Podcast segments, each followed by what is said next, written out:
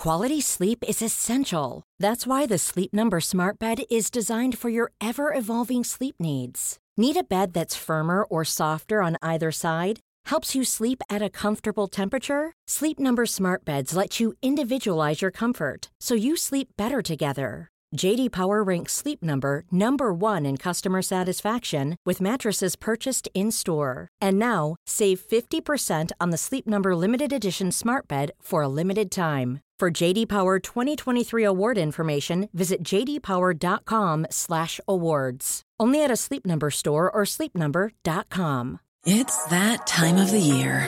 Your vacation is coming up.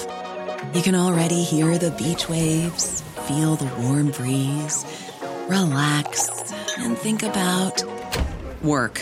You really, really want it all to work out while you're away. Monday.com gives you and the team that peace of mind. When all work is on one platform and everyone's in sync, things just flow wherever you are. Tap the banner to go to Monday.com. Even when we're on a budget, we still deserve nice things. Quince is a place to scoop up stunning high end goods for 50 to 80% less than similar brands. They have buttery soft cashmere sweaters starting at $50, luxurious Italian leather bags, and so much more. Plus, Quince only works with factories that use safe, ethical, and responsible manufacturing. Get the high-end goods you'll love without the high price tag with Quince. Go to quince.com/style for free shipping and 365-day returns. Palmemordet, Swedenborgskyrkan del 3, Änkan.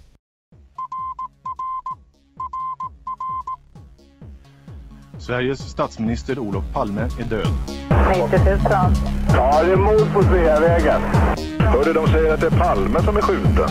Mordvapnet med säkerhet är en Smith Wesson, en revolver kaliber .357. Inte ett svar. Finns inte ett svar. För jag har Polisen söker en man i 35 till 40-årsåldern med mörkt hår och lång mörk rock. Välkomna till podden Palmemordet som idag görs av mig, Tobias Henriksson på PRS Media. Ja, jag vet. Jag lovade att ni skulle få Hans Holmér den här veckan. Men så kom det ett ytterst intressant telefonsamtal till mig som gjorde att vi kände att vi ville få ut det här så fort som möjligt med tanke på att det anknyter till de ämnen som jag och Jonas Nyman pratat om de senaste gångerna. Vi ska nämligen prata med änkan till den så beryktade Leif, alltså samma änka som pratade ut i Sveb-TV och som satte fart på hela den här historien. Och i vanliga fall brukar vi inte kommentera hur olika intervjuer kom till stånd, eller om det fanns krav bakom dessa. Men här kommer vi att göra ett undantag, vilket ni snart kommer att förstå.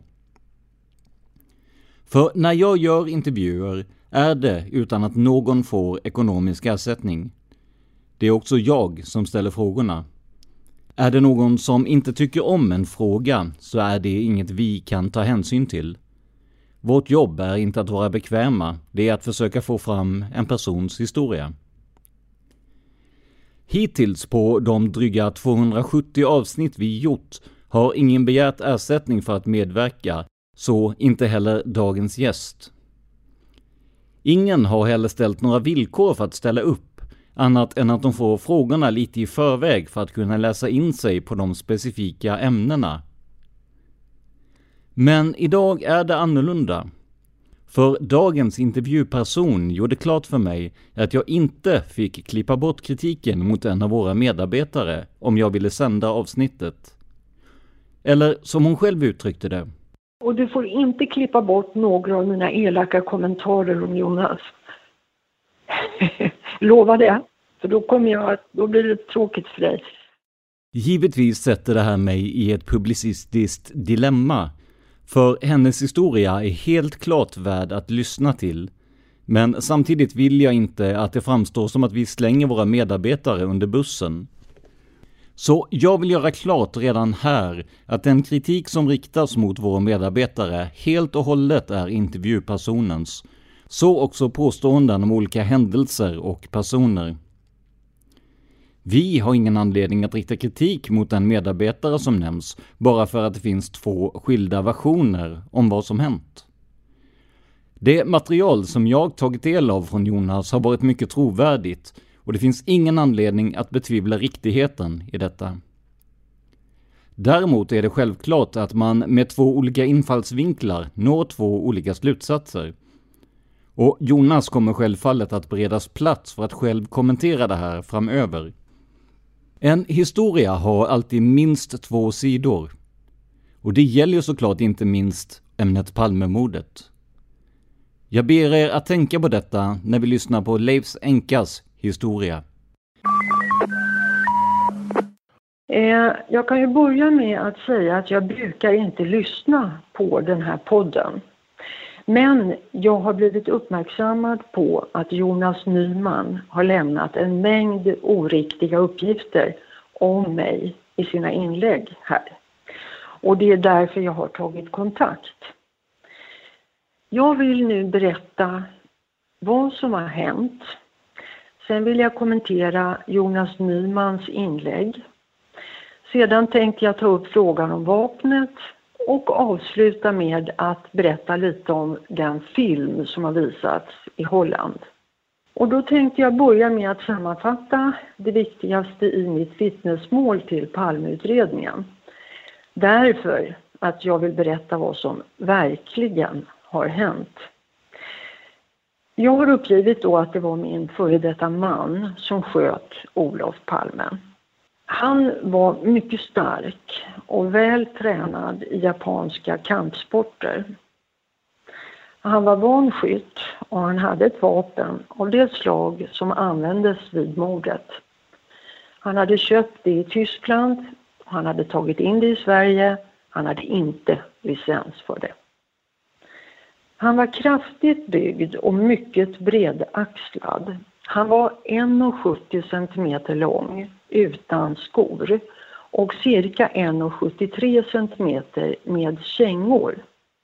Han var nästan lika lång som Olof Palme. Det skilde alltså 2 cm. Jag vill betona detta eftersom det har förekommit så mycket felaktiga uppgifter om att han skulle ha varit ovanligt kort. Vilket alltså inte stämmer.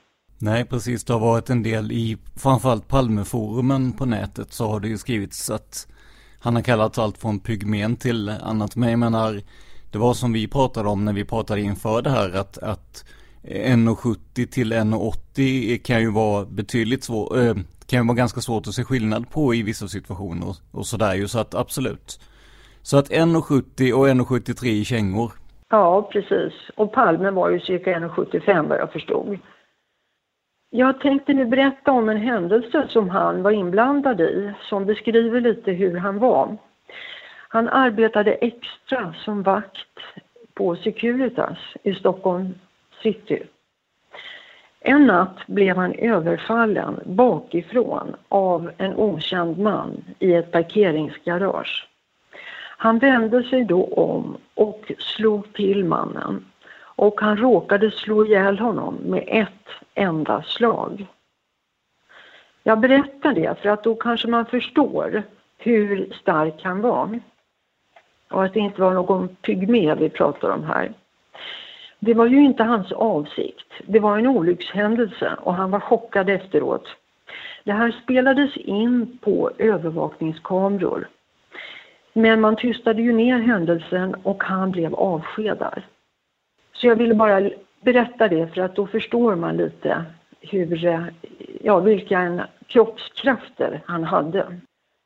Hösten 1985 så bodde han på Island och arbetade där och jag bodde i Stockholm.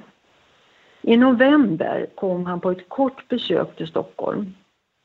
Han träffade då ett antal personer med anknytning till Swedenborgskyrkan. Leif skrev just då på en bok om kabbala. Det är, jag vet inte om du känner till vad det är, men det, det är bara, jag kan bara säga att det är ett eh, religiöst filosofiskt system inom judendomen och sen kan vi gå vidare. Han höll på att skriva en bok om detta och han höll ett föredrag för dem om detta. Efter det här mötet så var han mycket upprörd över Olof Palmes kommande resa. Han skulle ju då resa i mars 86 till Sovjet för att underteckna avtalet om att Sverige skulle bli en kärnvapenfri zon. Och det här engagerade Leif väldigt mycket. Han åkte tillbaka till Reykjavik. Under julhelgen återkom han till Stockholm. Några dagar efter nyår fick han besök av en man och de talade länge med varandra. berättade Leif att mannen var militär. Sen reste han tillbaka till Reykjavik för att börja vårterminen. Sen kommer vi fram nu till dagen, händelsen. Den 1 mars 86, sent på eftermiddagen, sattes en nyckel i dörren till vår lägenhet i Stockholm och han klev in. Jag blev chockad därför att jag trodde ju att han var på Island. Han hade en stor mustasch. Nu hade han rakat av sig den och jag hade aldrig tidigare sett honom utan mustasch. Och därför blev min första fråga varför han hade rakat av sig mustaschen. Han svarade inte på det. Han steg in i hallen, stängde dörren, vände sig mot mig och sa Jag vet vem som har skjutit Palme. Han var mycket glad och upprymd. Jag fick panik. Därför att han sa det på ett sådant sätt att jag förstod att det var han som hade skjutit, att det var han som var gärningsmannen. Därför bad jag honom omedelbart att vara tyst, att inte berätta någonting för mig. Jag ville inte veta någonting om detta. Jag hade ett litet barn. Jag förstod att om jag lät honom berätta skulle jag ju bli tvungen att gå till polisen. Jag förstod ju att det var han som var gärningsmannen. Polisen skulle naturligtvis inte tro mig och därför skulle jag utsätta både mig och mitt barn för fara. Och nu syftar jag inte direkt på Leif naturligtvis, utan jag syftar på de som har planerat mordet. Leif hade en axelväska med sig. Han gick upp på vinden där hade vi ett förråd som bara han hade nycklar till därför att han hade lämnat, lagt in alla sina manuskript där när vi flyttade in i lägenheten. Han var där en stund och sen kom han ner. Han hade inte tid att stanna för han hade bråttom tillbaka till Reykjavik. Det var allt jag fick veta. Och sen gick han. Tiden gick och vi pratade aldrig mer om denna händelse. Han arbetade och bodde på Island och jag bodde i Stockholm. 1988 flyttade han tillbaka till Sverige och då flyttade vi till en fastighet i Spånga. Huset renoverades och vi gjorde om tak och vind. När det här var färdigt så gick vi upp på vinden för att inspektera arbetet. Och då säger Leif att här behöver ingen gå upp igen på över hundra år. Han menade alltså att allting var i perfekt ordnat skick så vi kunde bara bomma igen. Det var så att vinden nådde man genom att öppna en lucka i taket eh, på övervåningen och sen fick man ta fram en stege och klättra upp. Så den var ju helt stängd i normalfallet. Och, och, när vi pratar om vinden där, för att eh, Jonas och jag hade ju den diskussionen där. Vi, när, vi, när vi säger vind, är det, är det inredd vind? Är det, vilken typ av, av vind är det så att säga? Det är inte en inredd vind.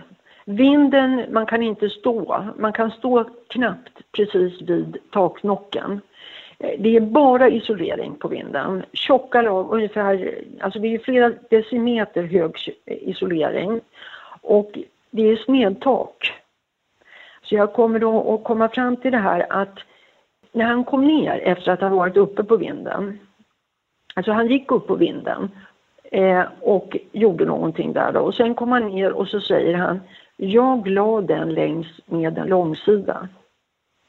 Och då hade han ju strax efteråt nämnde han den mycket stora belöningen som hade utlovats till den som hade, rätt kunde lämna uppgifter eller bidra till att mordet på Olof Palme kunde klaras upp.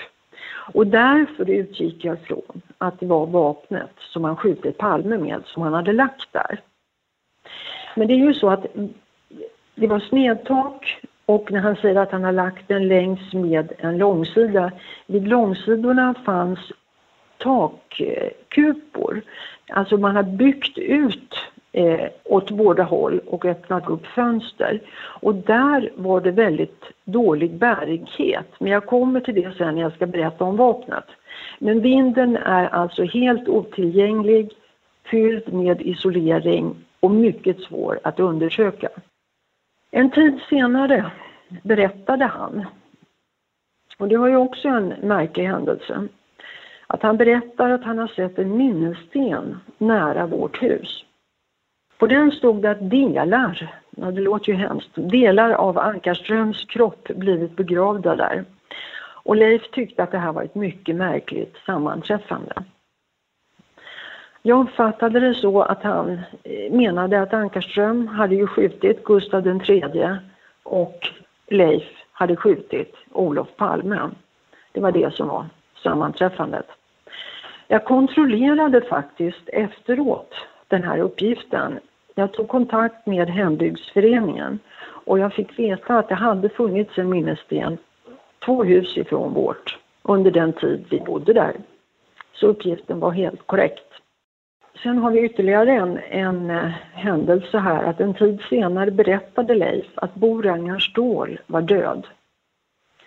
Jag blev upprörd då eftersom jag kände Bo Ragnar Ståhl. Han hade ofta besökt vår lägenhet i Stockholm och Leif brukade gå till hans antikvariat på Kungsholmen. Jag frågade då hur han hade dött och Leif svarade att någon hade givit honom något att äta som han dog av. Det här lät ju helt förskräckligt. Jag uppfattade det så att Leif visste om hur detta hade gått till. Jag kände till att Bo Ragnar Ståhl försökt meddela polisen att han fått vetskap om att det fanns en konspiration mot Palme. Och man kanske ska hålla i minnet när man raljerar över Bo Ragnar Ståhl som högerextremist att han ansträngde sig för att förhindra att Palme blev skjuten. Och det kanske han inte skulle ha gjort om han verkligen var en sann högerextremist. Under den tid jag hade kontakt med honom pratade han aldrig politik. Jag hade ingen aning om att han var ansedd vara högerextremist. Han var bara intresserad av litteratur och religion. Jag hörde honom aldrig nämna något annat som skulle kunna vara stötande ur politisk eh, vinkel. Jag vill bara nämna det. Eftersom det är så lätt att eh, demonisera folk genom att kasta runt med olika etiketter utan att man egentligen känner till bakgrunden. Hösten 1991 ansökte jag om skilsmässa från Leif. Han lämnade då huset under oktober och då hade han väldigt mycket av sina tillhörigheter kvar. Hela hans arbetsrum var fortfarande fullt. Han räknade ju med att återvända och hämta de här sakerna. Men han fick inte tillfälle att göra det eftersom han blev sjuk i cancer väldigt hastigt och dog i april 92. Efter hans död förträngde jag allt det här. Jag ville inte tänka på det och jag undvek att tänka på det. Jag vågade naturligtvis inte gå till polisen eftersom jag var rädd för att de inte skulle tro mig. Och det har de ju inte gjort heller den här gången. Och dessutom var jag rädd för att jag och mina barn skulle bli trakasserade om detta kom fram. Så vi flyttade från fastigheten. Leif hade en mörkblå anorak som hängt i vår källare under många år. Den kunde rullas ihop och läggas i en axelväska. Jag hittade den efter hans död. Då hittade jag också en hel låda med olika slags ammunition. Bland detta så fanns det vita askar med röda kryss på. Jag fick senare veta att det var sådan ammunition som Palme skjutits med.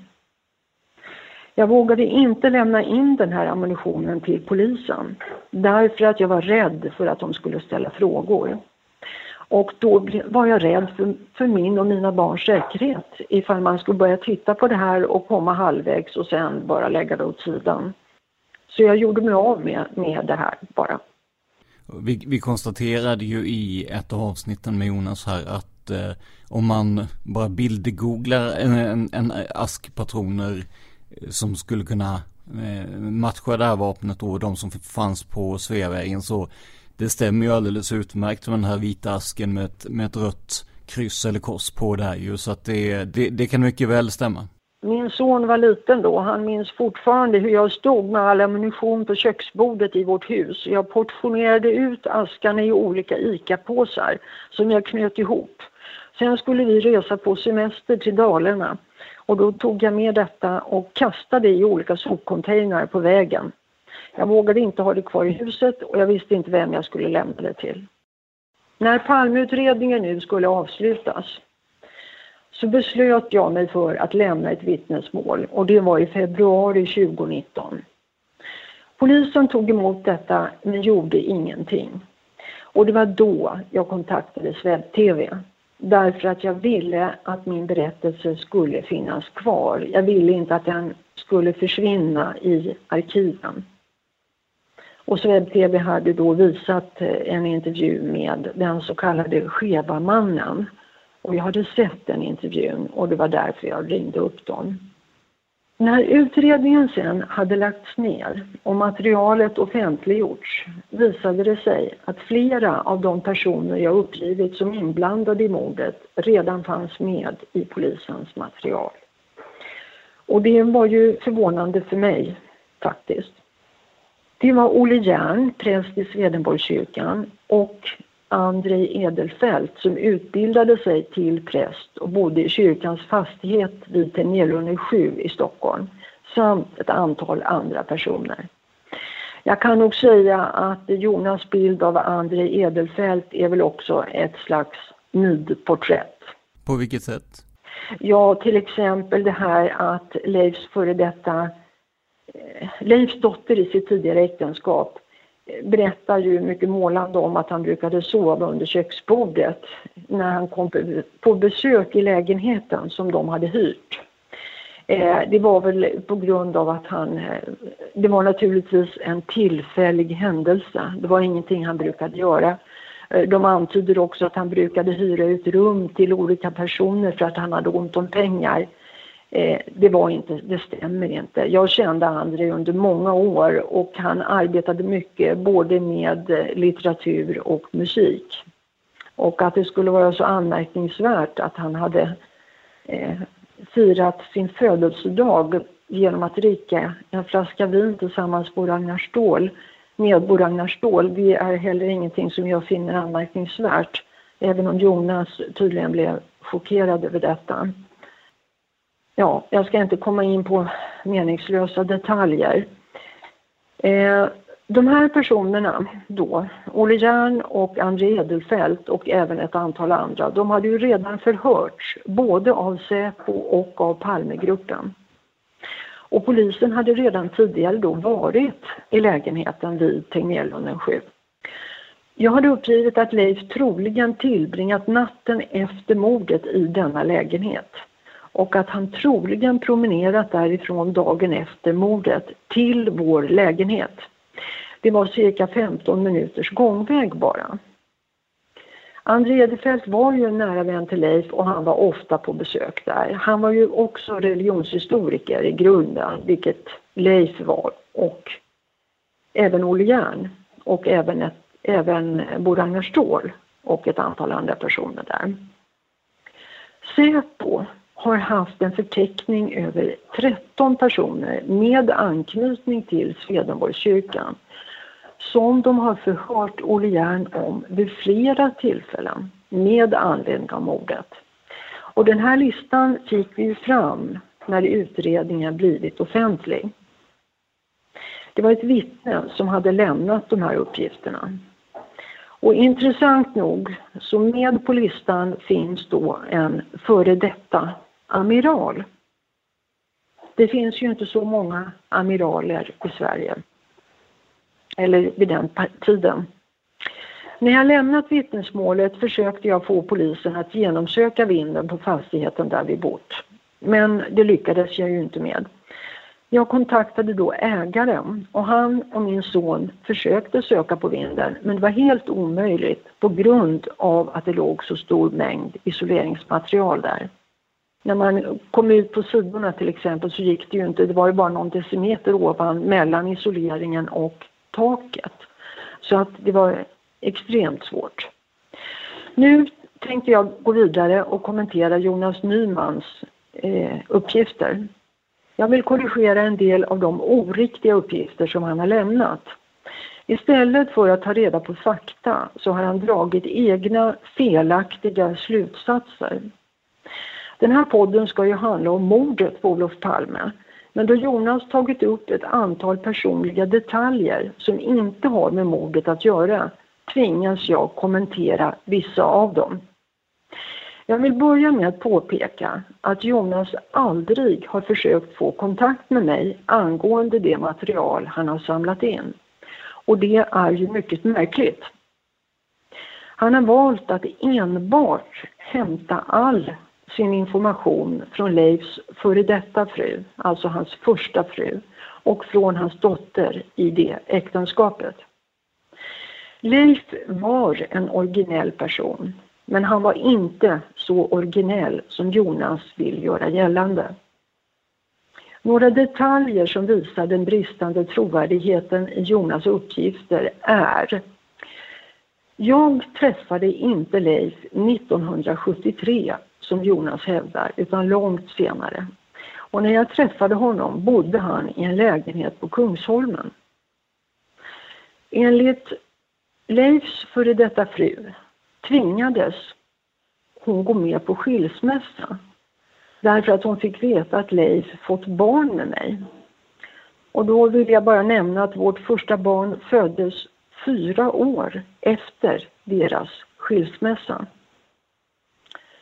Enligt Jonas hade Leif dessutom skrivit ett brev till henne hösten 1981 och bett att hon skulle flytta till Island med sina barn, trots att han då hade gift sig med mig. Ja, precis. Och det var ju en uppgift som, som gav eh, upphov till en del höjda ögonbryn minst sagt eh, hos lyssnare. Hur var det med det där egentligen? Ja, Jonas hävdar ju att avsikten var att vi alla skulle ingå i en gemensam storfamilj. Det här stämmer naturligtvis inte. 1981 inträffade en mycket allvarlig händelse därför att Leif misshandlade en lärare vid universitetet i Reykjavik och polisen blev inblandad. Jag övervägde då att lämna honom och flytta tillbaka till Sverige. Och det var denna händelse som var orsak till att han sen skrev brevet till sin före detta fru och frågade om hon ville komma dit. Men vad, alltså när vi pratar om Leif då, vad, för att Jonas ger ju en bild av att han var eh, åtminstone förtjust i, i, i sina kvinnor eller i sina eh, fruar respektive exfru då. Eh, och antyder väl närmast att han Ja, att han hade svårt att, att klara sig utan. Stämmer den bilden? Jag tänker med tanke på att, att han ändå hör av sig till sin, sin tidigare hustru då när det börjar knaka i fogarna mellan er? Jo, naturligtvis. Alltså, jag tror så här att eh, han hade behov av en del praktiskt stöd. Och eh, att han hör av sig till henne då, han hade ju två barn med henne. Och hon har ju nu, nu måste man ju ha klart för sig att eh, i Jonas framställning så har han hämtat sitt material ifrån henne.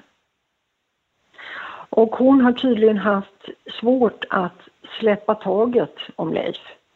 Hon vill gärna framställa det som att han fortfarande var väldigt beroende av henne.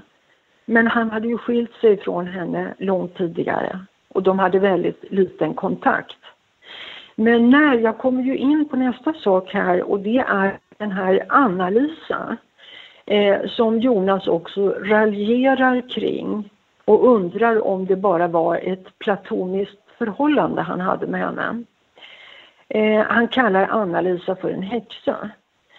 Anna-Lisa var en mycket god vän till Leif. Hon var en gammal pensionär som hjälpte honom med allt hans skrivarbete. Och han hade träffat henne när han kom till Sverige tidigt. Och hon stöttade väl honom och var som en slags eh, mor för honom. Och hjälpte honom på alla sätt under alla år. Och henne höll han ju alltid kontakt med. Så han hade väl lite behov av att eh, de var nära vänner helt enkelt. Och eh, hade det inte varit för henne hade han väl inte fått sina böcker färdiga och publicerade. Så att hon, hon eh, ja, hjälpte honom väldigt mycket. Eh, Jonas berättar ju också att Leif reste till Tyskland 1979 med sin lilla familj och att det, då, det var då han köpte vapnet. Men 1979 blev hans skilsmässa från sin första fru klar. Så denna beskrivning är inte korrekt. Nu lämnar jag det här personliga. Allt det här har ju egentligen ingenting med mordet att göra. Och det gör ju att jag funderar lite över anledningen till att Jonas väljer att lyfta fram alla de här detaljerna. Allt det här har han ju fått då ifrån Leifs första fru. Och hon tyck, har väl tyckt att, eh, att eh, det här är viktigt. Men jag ser inte att det på något sätt, vad det överhuvudtaget har med mordet att göra. Jag vet inte vad du tycker om det. Jag kan förstå att man vill, att man vill eh, bygga, alltså att man vill ge en bakgrund, men då ska, då ska ju den bakgrunden vara korrekt givetvis. Så att eh, det, eh, så, så kan jag väl säga. Det är ju intressant att veta vad som skulle kunna leda fram till att en person eh, ja, eh, blev misstänkt i alla fall för att mörda en statsminister. Men det finns ju ingen anledning att, eh, alltså dels måste det vara sant och dels finns det ingen anledning att gå ner i, om vi kallar det snaskiga detaljer, utan så att eh, vi, där är vi överens, absolut. Ja, och det är ju det han har gjort. Han har gått ner i de här detaljerna. Eh, nu ska jag gå vidare med vad han berättar eh, ytterligare om och det är att han nämner en person vid namn Bergur. Det, var, det här är ju ganska intressant. Det var en ung pojke som arbetade som polis i Reykjavik. Han var inte nära vän till Leif, vilket Jonas hävdar. Vi kom i kontakt med honom när vi hyrde ett rum i Reykjavik. Nu kommer vi till en intressant uppgift från Jonas. Han hävdar nämligen att Bergur regelbundet fört anteckningar över alla sina kontakter med Leif och att han skulle ha sparat alla dessa anteckningar ända till idag. Detta är helt osannolikt. Jonas hävdar även att Berger ringt Leif en dag i november 1985 och fått veta att Leif var på skolan då, även om han inte kunde svara i telefonen. It's that time of the year. Your vacation is coming up. You can already hear the beach waves, feel the warm breeze, relax and think about work. You really, really want it all to work out while you're away. Monday.com gives you and the team that peace of mind. When all work is on one platform and everyone's in sync, things just flow wherever you are. Tap the banner to go to Monday.com.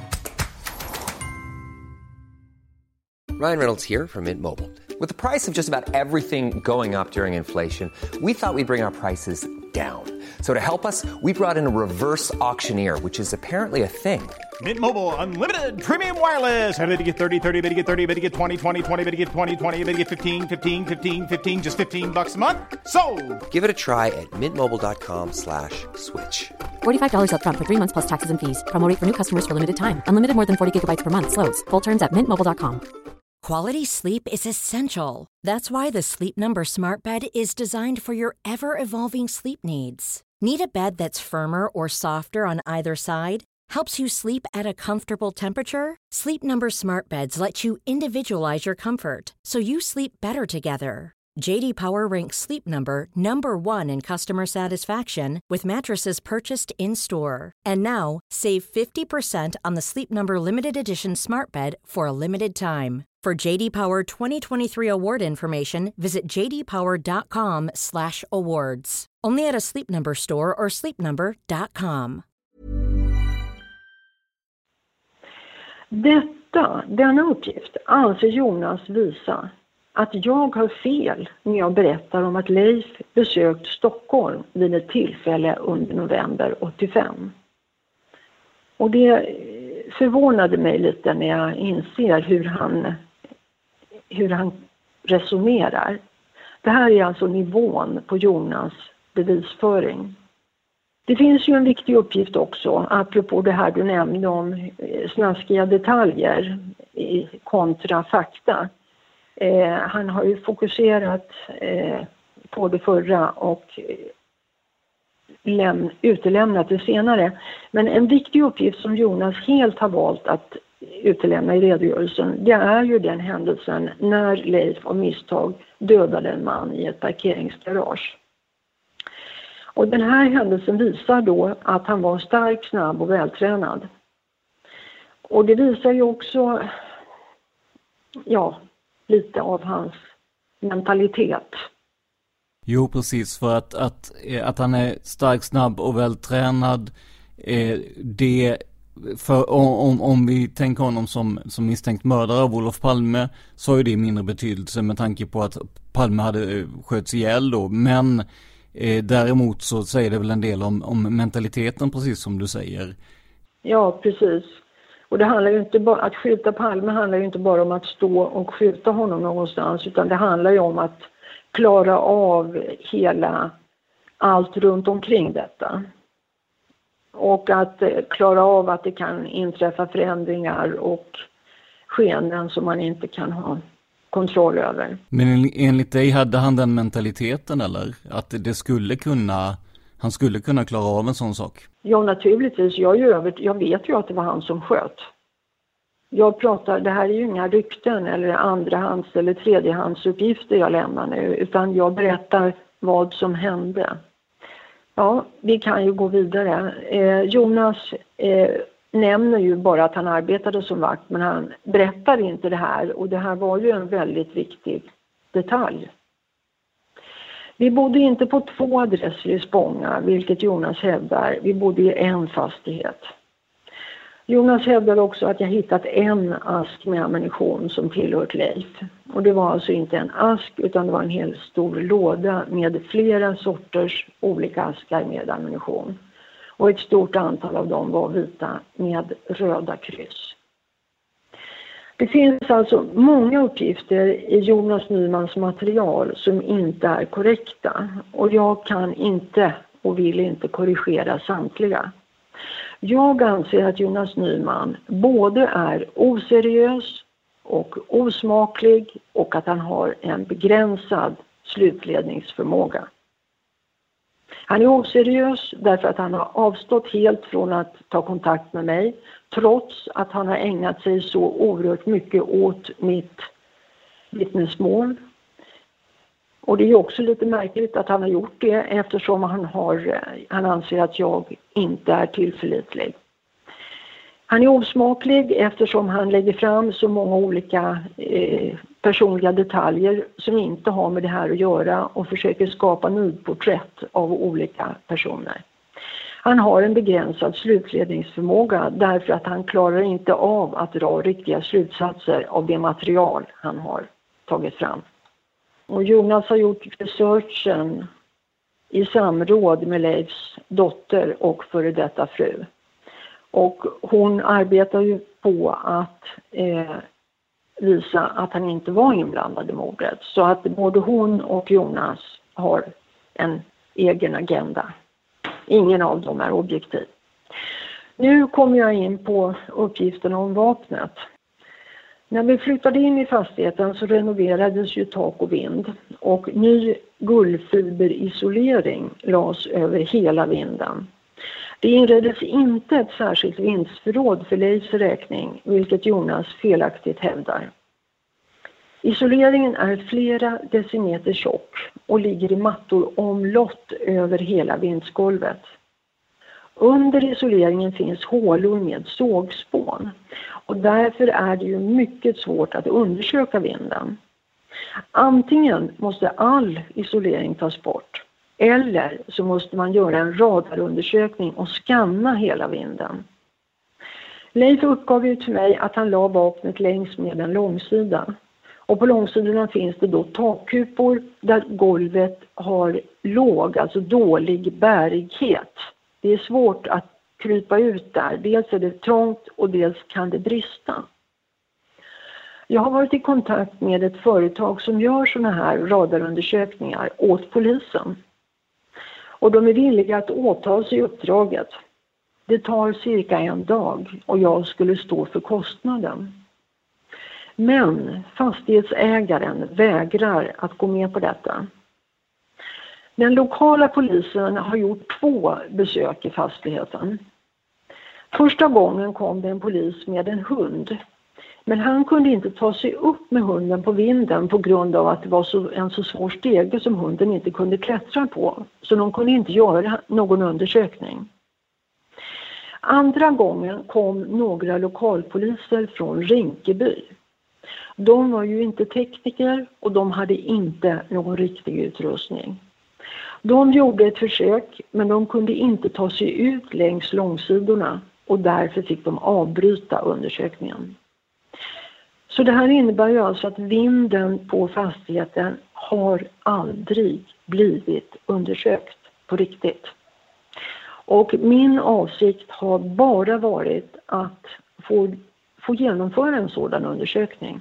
För att jag menar oavsett om, oavsett om man hittar ett vapen där, då vet man det. Hittar man inget vapen, då vet man det. Då har det förmodligen ja, antingen så har det förflyttats eller så eh, var uppgifterna fel. Men att, att åtminstone ha ett, ett besked tänker jag måste göra en, en väldig skillnad.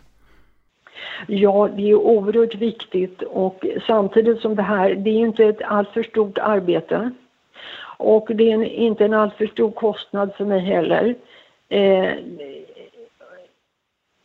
vad ska jag säga, den företagare som jag har pratat med han säger att de med 99% säkerhet så kan de avgöra och de är vana att söka just efter vapen.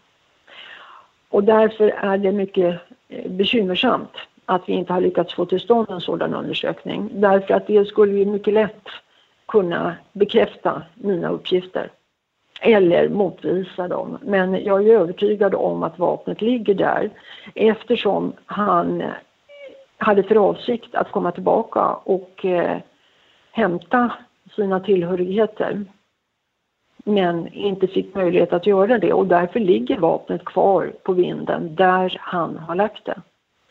Och då hörde ju till saken också att han var utbildad timmerman från början och han var med när de byggde tillsammans med en annan snickare och byggde om vinden och gjorde inre, renoverade den. Och det betyder ju att han vet kanske något lämpligt ställe där han har ju inte bara lagt vapnet på golvet invid någon vägg utan han har väl lagt det på ett lämpligt ställe som han kanske själv har, har konstruerat. Och det är därför det är viktigt att man gör, använder scanning för att kunna se det här.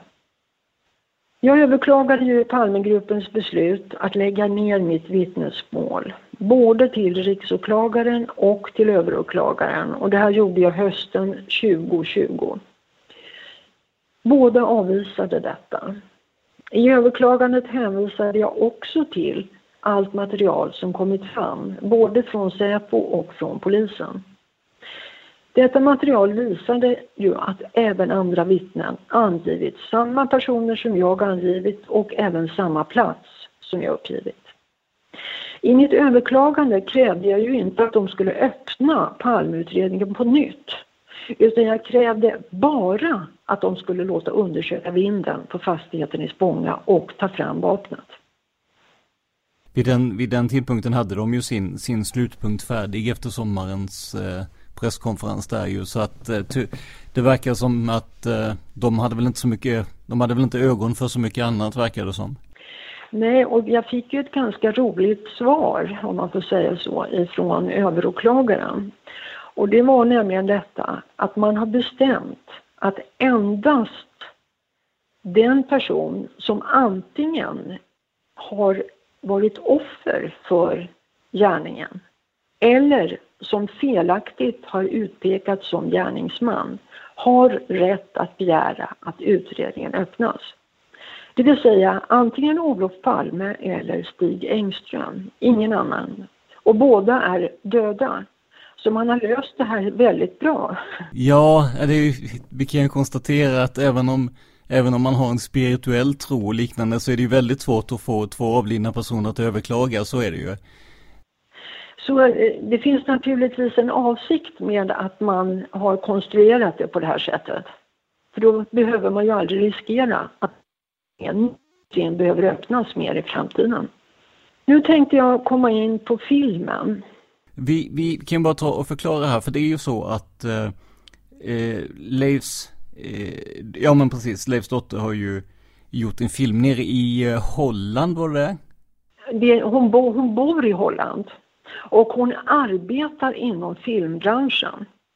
Och hennes man är filmare och det är därför hon har gjort den här filmen. Precis, och vi kan ju konstatera redan innan det här inlägget att, att som du har sagt innan, ni har ju diametralt olika åsikter om, om Leif eh, som person och hans eventuella inblandning. Jag vill nog kanske inte, förlåt, jag behöver inte betona att vi har diametralt olika åsikter om honom som person, utan vad det handlar om egentligen är att hon vill med alla möjligheter bevisa att han inte har varit inblandad i mordet. Hon har den agendan. Och därför, detta har styrt hennes eh, arbete och hon har ju styrt och påverkat Jonas väldigt mycket. Så att jag förstår mycket väl att hon inte vill att det ska vara på det här sättet. Men jag tänker att om, om hon, hon har ju så att säga sin övertygelse eh, och du har din övertygelse och det innebär ju att bara en av er kan ha rätt. Hur, vad tror, alltså finns det en, finns det en, en sannolikhet att, att hon har rätt och du har fel i det här?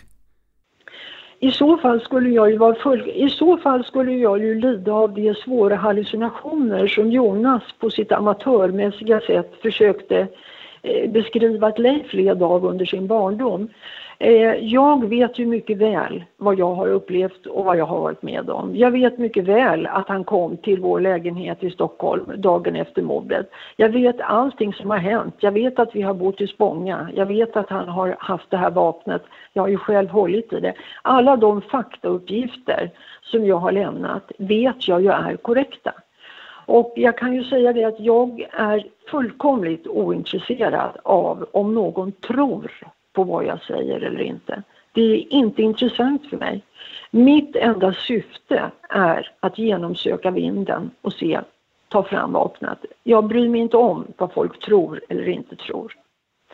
Och jag förstår att Signe, ja förlåt nu säger jag hennes namn men det har ju publicerats många gånger, att hon hon vill inte att det ska vara så här och därför letar hon fram all information hon kan och väljer bort allting som talar för att jag har rätt och fokuserar på allt hon kan hitta som skulle visa att jag har fel.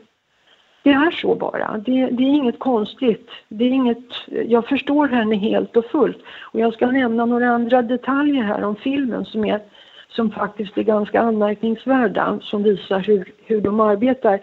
Men det är också viktigt att förstå att Jonas samarbetar med henne.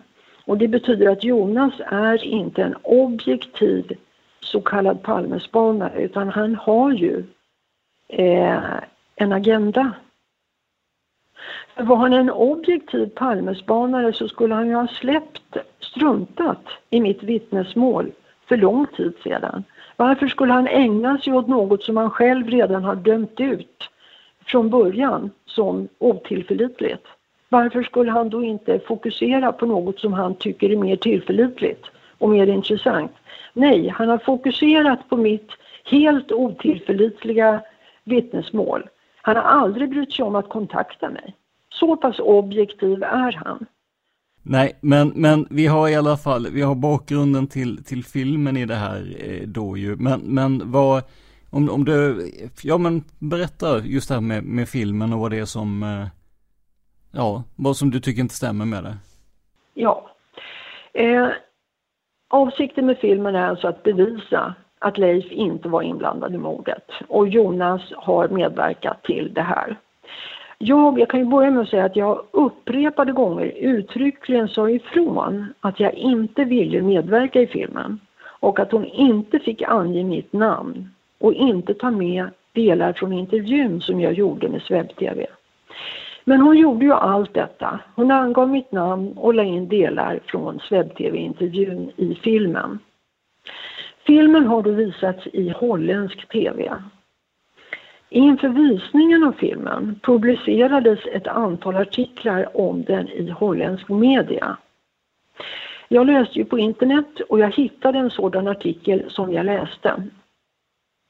I denna framkom det, och det här är ju intressant, att hon låtit en känd vittnespsykolog från Nederländerna granska min intervju med Palme och som jag uppfattade den så var det här en vittnespsykolog från ett universitet och där hade man haft som eh, övningsuppgifter att arbeta med Palmemordet och vittnen i samband med detta. Just det, och det här var din intervju med Sveb TV som, som granskade sa du eller? Ja. Han, han granskade min intervju med Sveb TV. Denne expert ansåg att min berättelse var mycket trovärdig och att jag var trovärdig som vittne. Därför fick detta inte vara med i filmen, utan hon tog bort hela detta inslag. Och jag nämner det bara för att det är tydligare kan man väl inte visa att eh, filmen är en, inte är en objektiv produkt.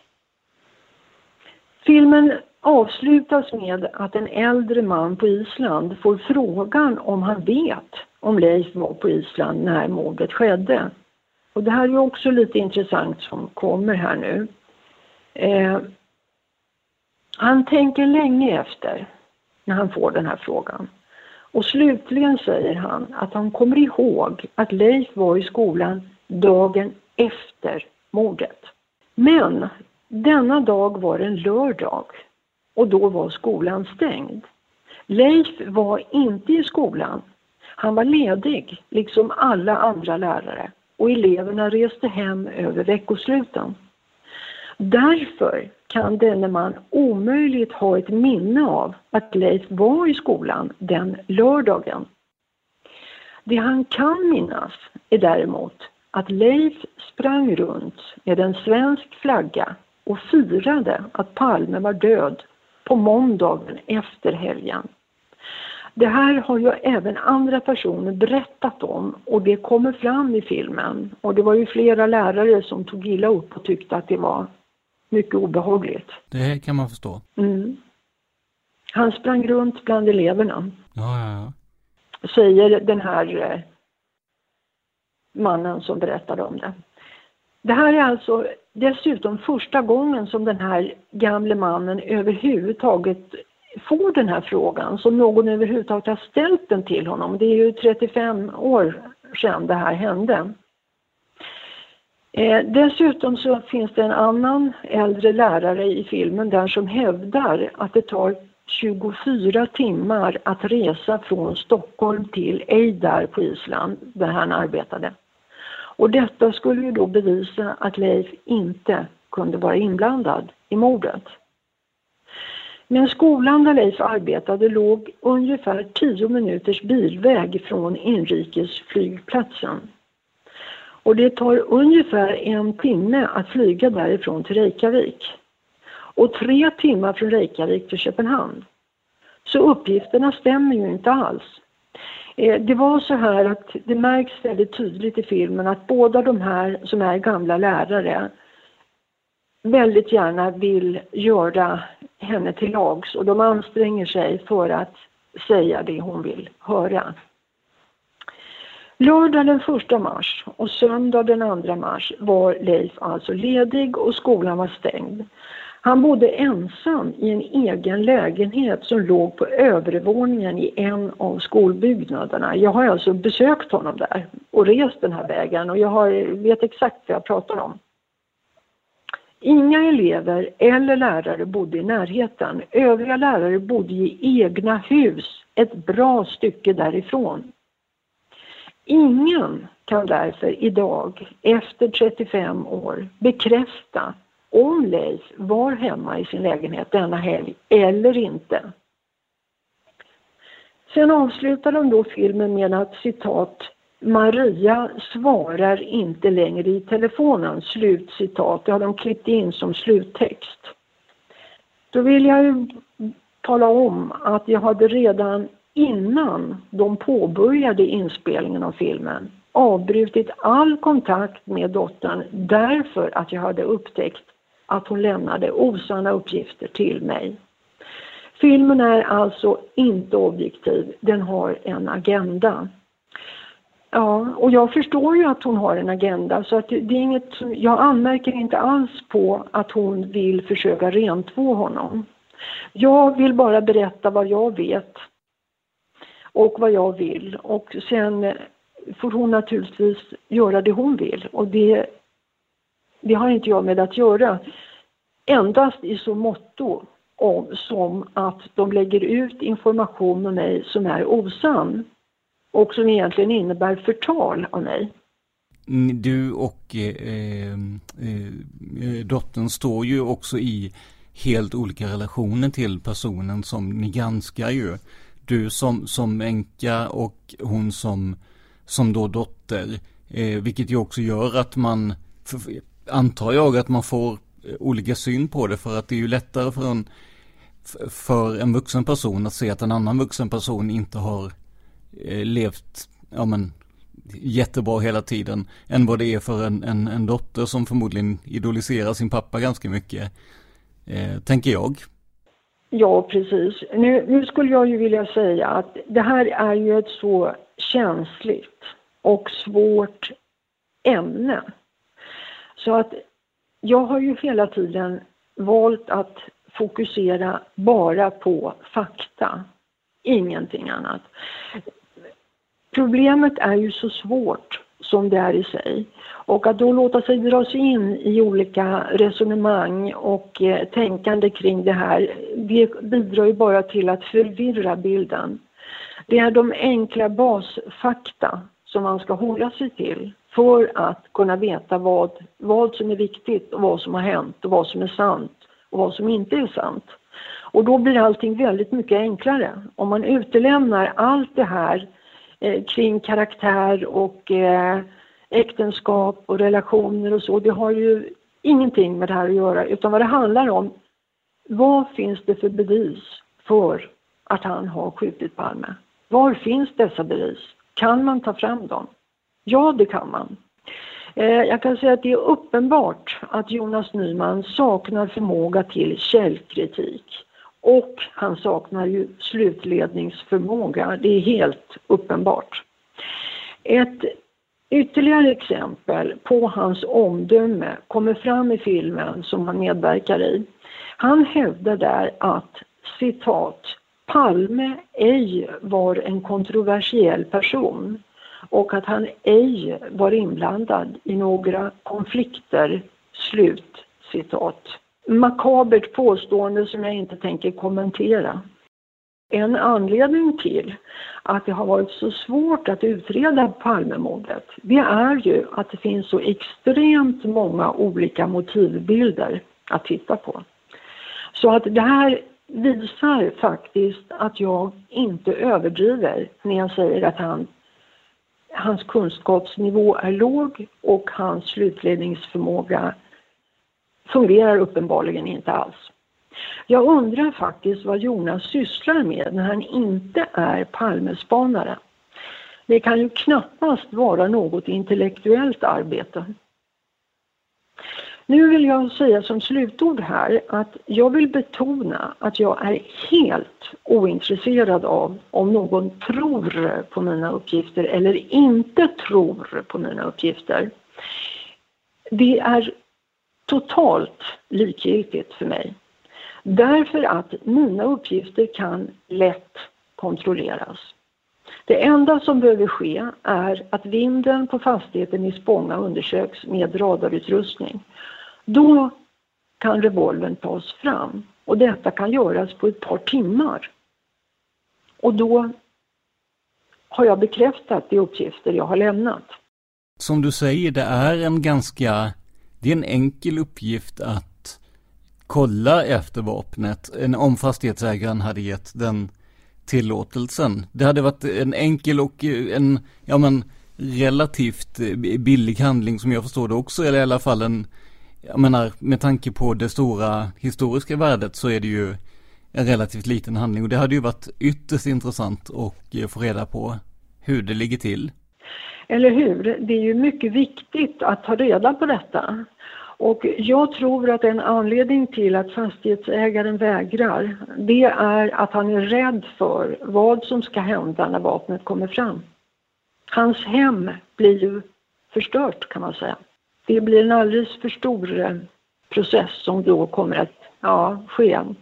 Och därför vill han inte. Och han har som ägare rätt att vägra.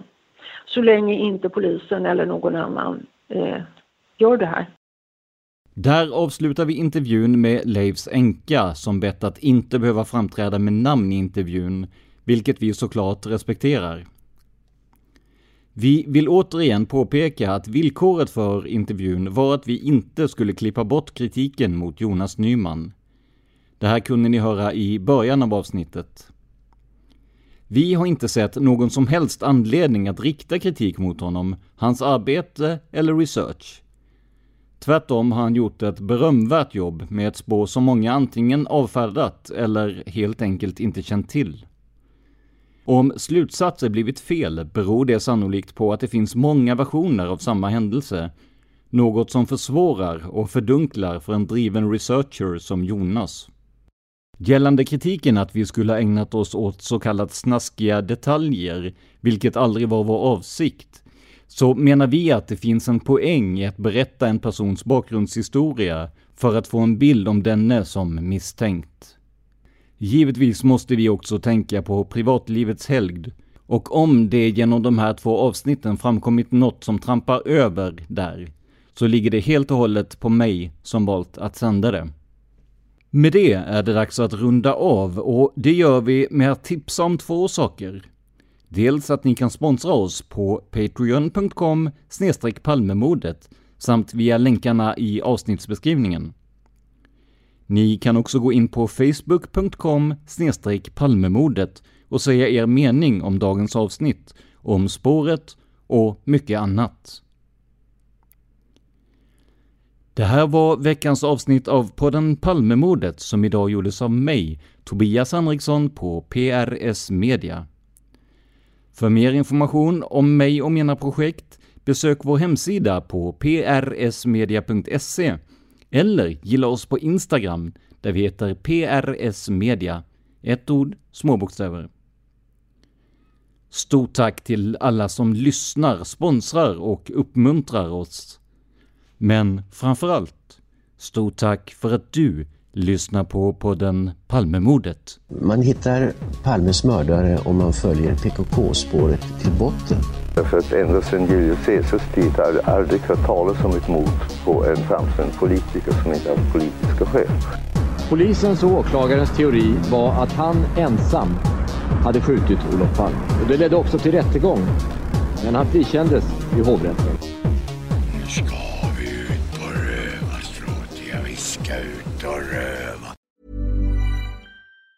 Even on a budget, quality is non-negotiable. That's why Quince is the place to score high-end essentials at 50 to 80% less than similar brands. Get your hands on buttery soft cashmere sweaters from just 60 bucks, Italian leather jackets, and so much more.